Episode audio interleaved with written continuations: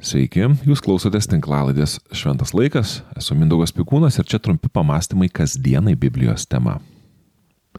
Pamenu viešint Islandijoje buvau perspėtas apie greit besikeičiančių oro sąlygų pavojų.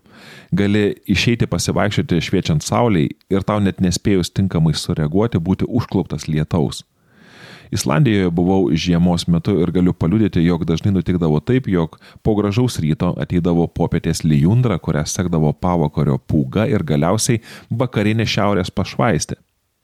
Žinoma, būdavo ir tokių dienų, kai diena baigdavosi taip, kaip ir prasidėdavo. Kartais visą dieną šviesdavo saulė, kartais siausdavo pūga.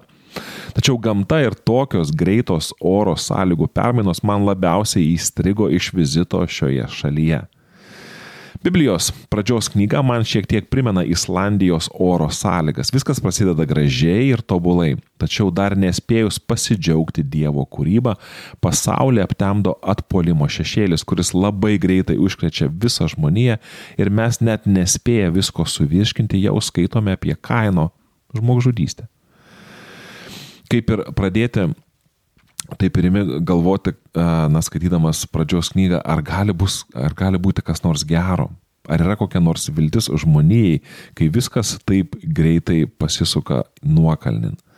Ketvirtame pradžios knygos skyriuje mes skaitome, kad Adomas vėl pažino savo žmoną. Ji pagimdė sūnų ir pavadino jį Setu, nes jis sakė, Dievas parūpino man kitą palikonį vietoj Abelio, kadangi kainas jį užmušė. Ir Setui gimė sūnus, kurį jis pavadino Enošu. Tuo metu žmonės pradėjo šauktis Dievo viešpaties vardu. Pradžios knyga, ketvirtas skyrius, 25-26 eilutės.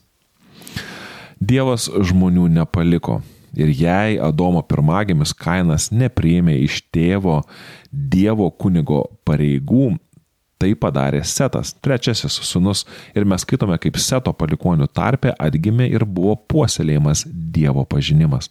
Atrodo, kad Dievas pradeda tokį, na, savotišką rezistencinį judėjimą nuodėmės okupuotoje žemėje.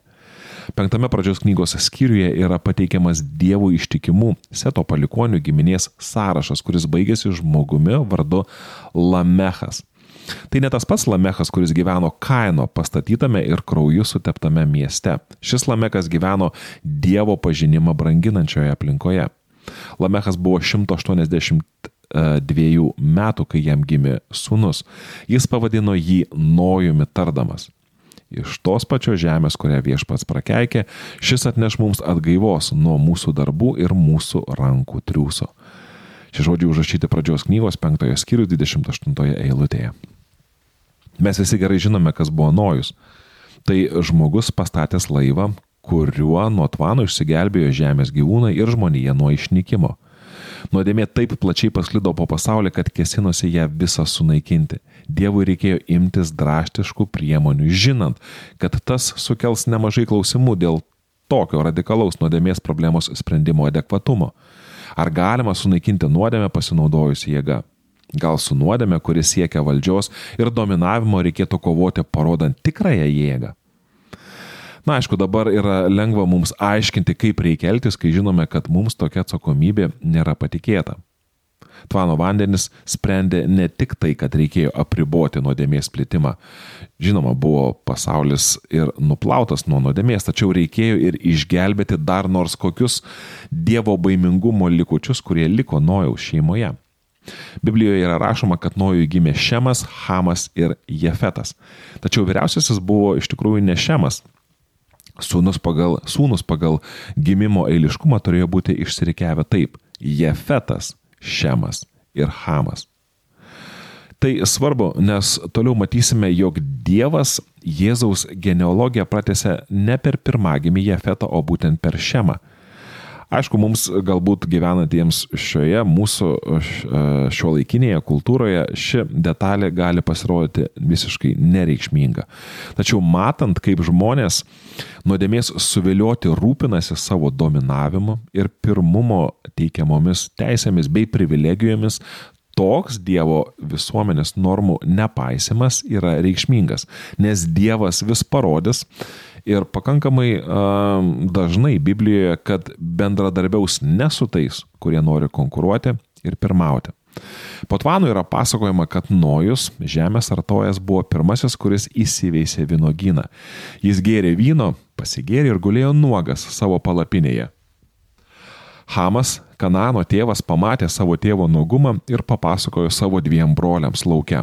Tuomet Šemas ir Jefetas paėmė drabužį, užsidėjo jį ant abiejų pečių ir eidami atbulomis uždengė savo tėvo nuogumą.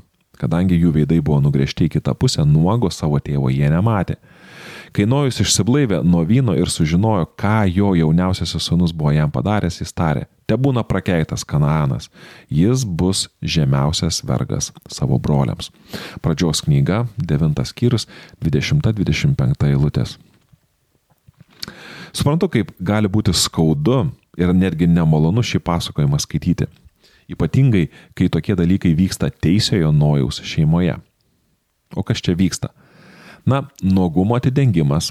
Tai buvo toks išsireiškimas naudojamas kalbant apie lytinę sueitį. Atidengti nuogumą tai reikšdavo, na, pasimylėti. Taigi, atidengdamas tėvo nuogumą, kaip čia yra pasakojama šitoje istorijoje, atidengimas tėvo nuogumo reiškia pasimylėjimas su savo tėvo žmona. Aš žinau, kad Biblijoje norėtųsi rasti gražesnių dalykų, o ne pasakojimo apie tai, kaip sūnus permiega su savo mama. Šią interpretaciją patvirtina ir tai, kad Nojaus, pasi, Nojus pasipiktina ir prakeikia, prakeikimas nuskamba Hamo sūnui, Kananui, kuris galimai ir gimė iš šio neteisėto santykio. Vėlgi, kas čia vyksta? Tai, kas vyko nuo pat nuodėmės atsiradimo - noras parodyti savo pranašumą. Jei pasakojame apie kainą ir abelį, mes matome, kaip nuodėmė verčia žmogų piktintis Dievo gerumu, kurį jis parodo išaukštindamas ir palaimindamas kitą, šiuo atveju Abeliu, kuris nebuvo pirmagimis, tai dabar mes matome kitą nuodėmės pusę, tai norą tą valdžią paimti gale. Kaino ir Abelio atveju um, vyresnysis pavydė jaunėliui, o Hamo jaunesnysis bando imtis iniciatyvos į savo rankas. Permėgojimas su alfa vyro moterimi būdavo siekis parodyti savo pretenzijas į alfa vyro padėtį ir siekis įtvirtinti save konkrečioje aplinkoje, įsitvirtinti bei pabrėžti savo dominavimą. Pasirodo, tvano vandenys nuplovė žemę, nenuplovė žmonių širdžių.